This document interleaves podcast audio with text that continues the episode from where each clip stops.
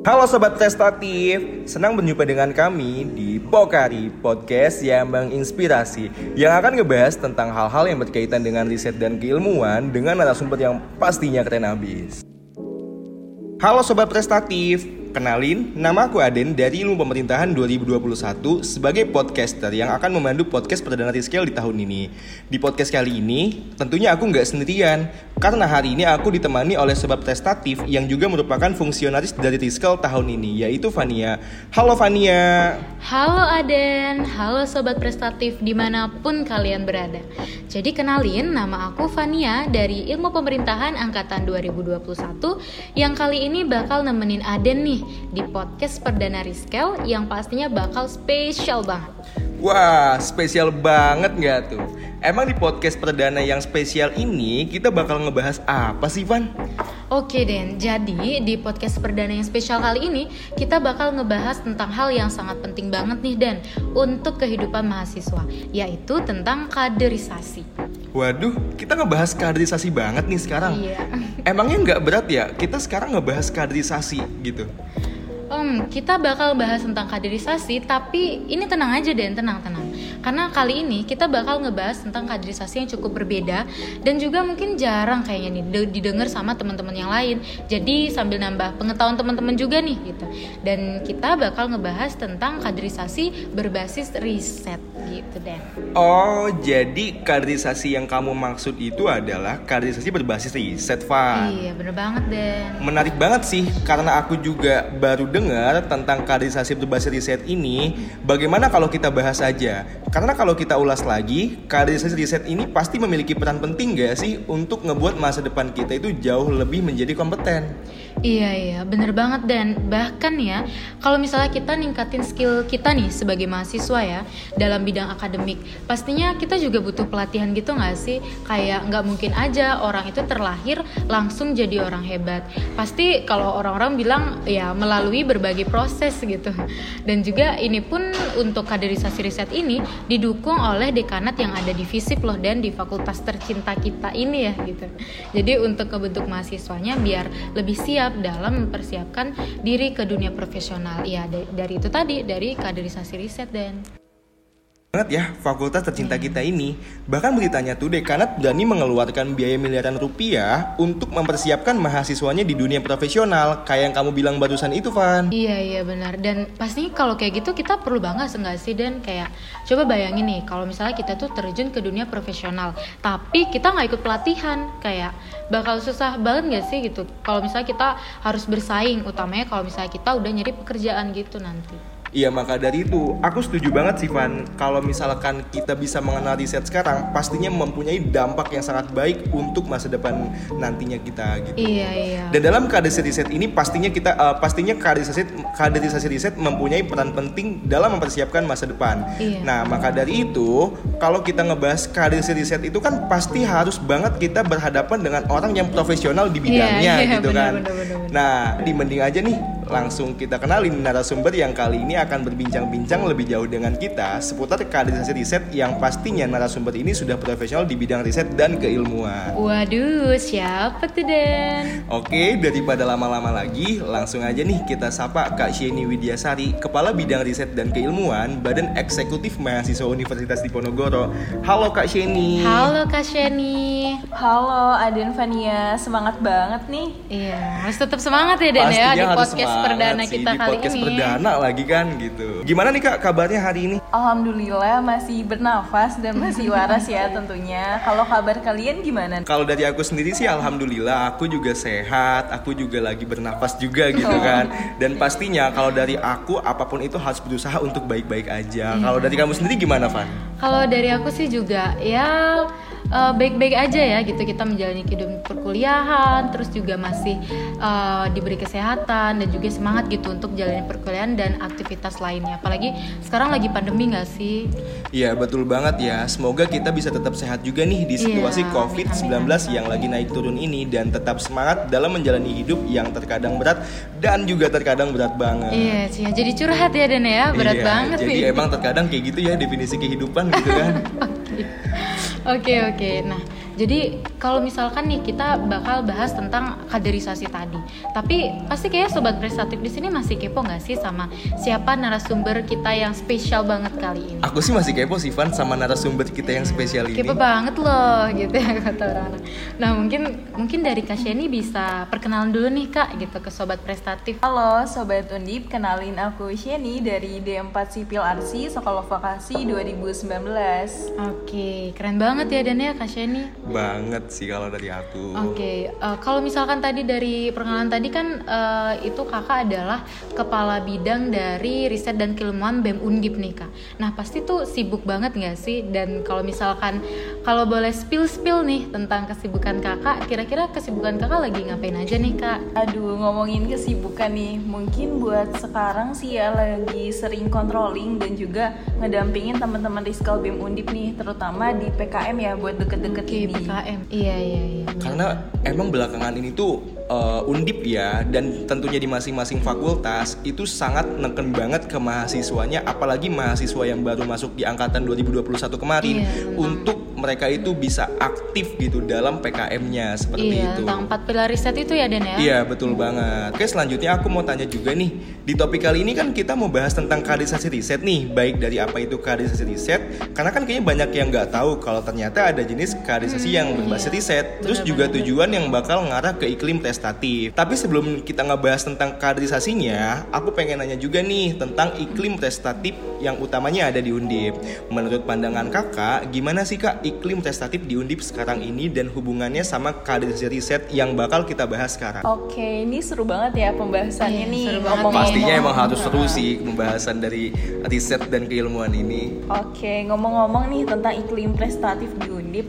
Jadi itu gini, teman-teman sebenarnya buat iklim prestatif di Undip itu bisa dibilang cukup baik ya karena tahun lalu Cukup baik. alhamdulillah buat PKM dan Mawapresnya sendiri udah go nasional. Kayak keren, Keren, banget keren, kan tuh. keren banget, keren banget. Oke. Nah, tapi kalau misalkan kita lihat dari segi pemerataan iklim riset di Undip dari fakultas, vokasi, PSDKU, nah ternyata belum merata nih dan terkadang tuh ada ketimpangan sebelah juga. Dan sebenarnya ini jadi PR buat kita nih berada di lembaga riset ya untuk bagaimana caranya menjadikan adanya pemerataan iklim riset di tahun ini gitu. Salah satunya nah itu dengan pelatihan-pelatihan dari kaderisasi riset demi menunjang iklim prestatif di Undip biar lebih meningkat gitu. Oke, berarti tentunya eh, di setiap fakultas itu masih belum rata ya kak Betul. iklim testatifnya. gitu. Selanjutnya eh, aku juga mau tanya kak, menurut kakak Sheni itu eh, apa ya kaderisasi riset itu kan eh, banyak orang yang nggak tahu nih kak. Nah, aku mau tanya seberapa penting sih kak kaderisasi riset untuk memenuhi kebutuhan atas dasar keahlian akademis dan keilmiahan selama perkuliahan? Oke, mungkin kalau dilihat-lihat ya dari kaderisasi dulu nih teman-teman. Jadi untuk kaderisasi itu adalah suatu investasi besar yang memiliki andil dalam pembentukan karakter individu. Nah, mungkin waktu dari teman-teman mahasiswa baru udah kenal ya tentang LKMMPD, Iya, iya. Gore juga pastinya Iya, Kak. ada dong. Ah, betul, nah, Kak. kemudian gimana sih eh, tentang kaderisasi riset itu sendiri? Nah, jadi sebenarnya halnya sama kayak pada kaderisasi umumnya gitu. Cuma mungkin yang membedakan dari aspek outputnya. Contohnya, buat luaran dari peserta kaderisasi riset itu bisa menjadi motivator riset, mampu menghasilkan publikasi ilmiah, terus gimana nantinya teman-teman bakal diajarin mengenai pengelolaan lembaga riset gitu biar lebih bisa memanajemen. Kemudian untuk kaderisasi riset itu sendiri punya beberapa alur sama kayak halnya di PSDM gitu ya mungkin Iya, ya. iya, Kalau iya. di PSDM ada ODM, ada LKMMPD. Nah, kita juga ada loh. Untuk kita sendiri itu ada GORE, Grand Opening Research, terus juga ada Research School 1, RS2 dan sampai ke RS3.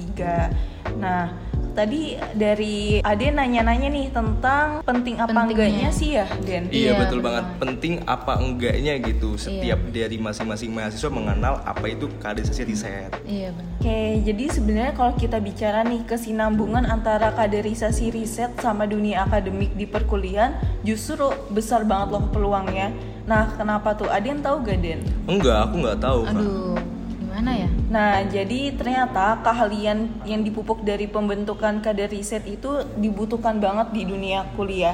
Contohnya mungkin dari RS2 ya. Di situ Iya. kan outputnya pembuatan karya tulis ilmiah, sebuah basic kepenulisan. Nah, di situ juga kita diajarin teman-teman gimana caranya membuat karya tulis ilmiah, menulis dengan benar. Nah, sementara biasanya di perkuliahan tuh ada mata kuliah metodologi penelitian. Di Fania ada gak tuh? Oke, jadi kalau misalkan dari aku sendiri ya kayak di jurusan aku itu eh, itu jadi mata kuliah wajib sih, jadi metodologi dan mungkin kalau misalkan dari teman-teman dari jurusan lain atau misalkan dari prodi fakultas lain itu menurut aku pasti itu wajib sih karena kan itu bakal berkaitan sama tugas akhir kita nanti atau misalkan tugas-tugas riset kita yang lain sih. Kalau setahu aku sih itu ya. Oke, betul banget tuh kata Fania. Jadi nantinya ketika kita dihadapkan dengan mata kuliah yang tentang kepenulisan gitu ya, atau biasanya kan dari teman-teman presentasi juga ya untuk Iya. tugas-tugas kuliah. Iya, betul nah, banget, tentunya itu bakal kita dapetin juga di pelatihan kaderisasi riset. Gimana nantinya kita punya basic kepenulisan, juga Iya. punya basic public speaking gitu. Oh, berarti yang banyak banget ya Iya, benefit yang benar, bisa benar, kita benar. dapatkan setelah kita mengenal apa itu kaderisasi riset. Kita bisa memiliki wawasan yang luas, luas, kita juga iya. mampu berpikir secara kritis, Mm-mm, kemampuan benar-benar. public speaking juga kita bisa meningkat. Dan katanya Van, kata Kak Sini tadi, Gimana? kalau misalkan aku bisa menjadi eh, maksud aku tuh aku kalau misalkan bisa mengenal kaderisasi riset lebih jauh, aku bisa mengenal riset itu apa gitu, aku bisa menjadi motivator riset, Van. Widih, Betul. paling mot- motivator ya. Iya, betul Keren banget. banget gak Iya, iya, tuh? Oke, lanjut aja nih ke pertanyaan selanjutnya. Iya, jadi kalau misalkan eh, tadi kan itu membahas tentang udah kita udah tahu tuh kayak kaderisasi riset itu apa, pentingnya itu apa, kayak gitu, dan juga benefit yang kita dapetin itu apa gitu. Nah, tapi kalau misalkan untuk eh, keberlangsungan alurnya nih kak, nah kalau misalnya tadi kakak bilang kan eh, di PSDM sendiri itu kan ada LKMMPD, LKMMD, itu yang berkaitan sama kepemimpinan. Nah, kalau misalkan alur-alur kaderisasi yang berkaitan dengan riset ini sendiri, Kak.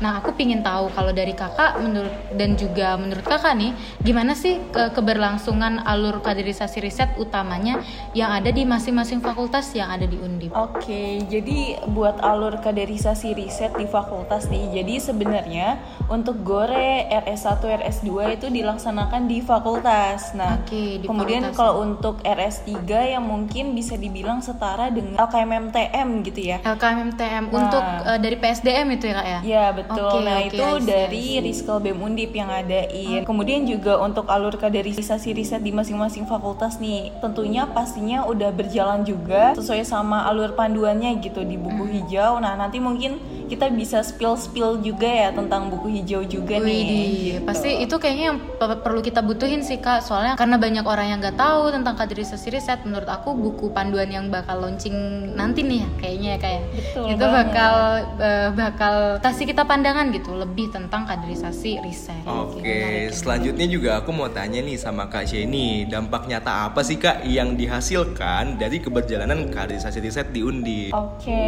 nah buat dampak nyatanya ini mungkin teman-teman bisa rasain juga nih yang udah pernah ngerasain kaderisasi riset salah satunya mungkin dari RS1 Iya, ya. RS1 gitu. di- Nah, mungkin dari teman-teman bakal ngerasain gimana sih kemajuan cara berpikir dan juga wawasan baik dari teman-teman yang ngelola lembaga riset langsung ataupun teman-teman mahasiswa baru gitu yang Iya, ngerasain namanya gore. Nah, sebenarnya ini juga masuk juga nih ke salah satu setiap rangkaian acara dari alur kaderisasi gitu. Gimana caranya nanti ketika dampak nyatanya itu kita mampu membawa perubahan juga nih buat undip gitu. Oh, berarti memang banyak ya dampak nyatanya itu yang didapatkan setelah kita mengetahui kaderisasi riset yang ada di Undip ini.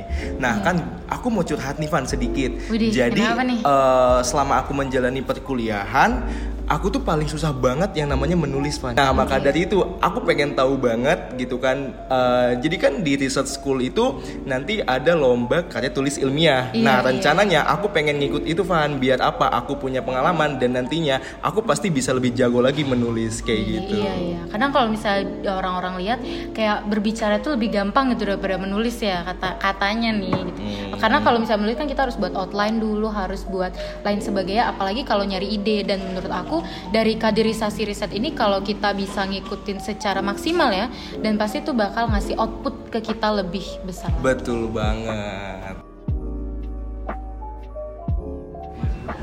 Eits, jangan ke mana-mana dulu. Pembahasan menarik akan berlanjut di part 2. Nantikan Pokari, podcast yang menginspirasi.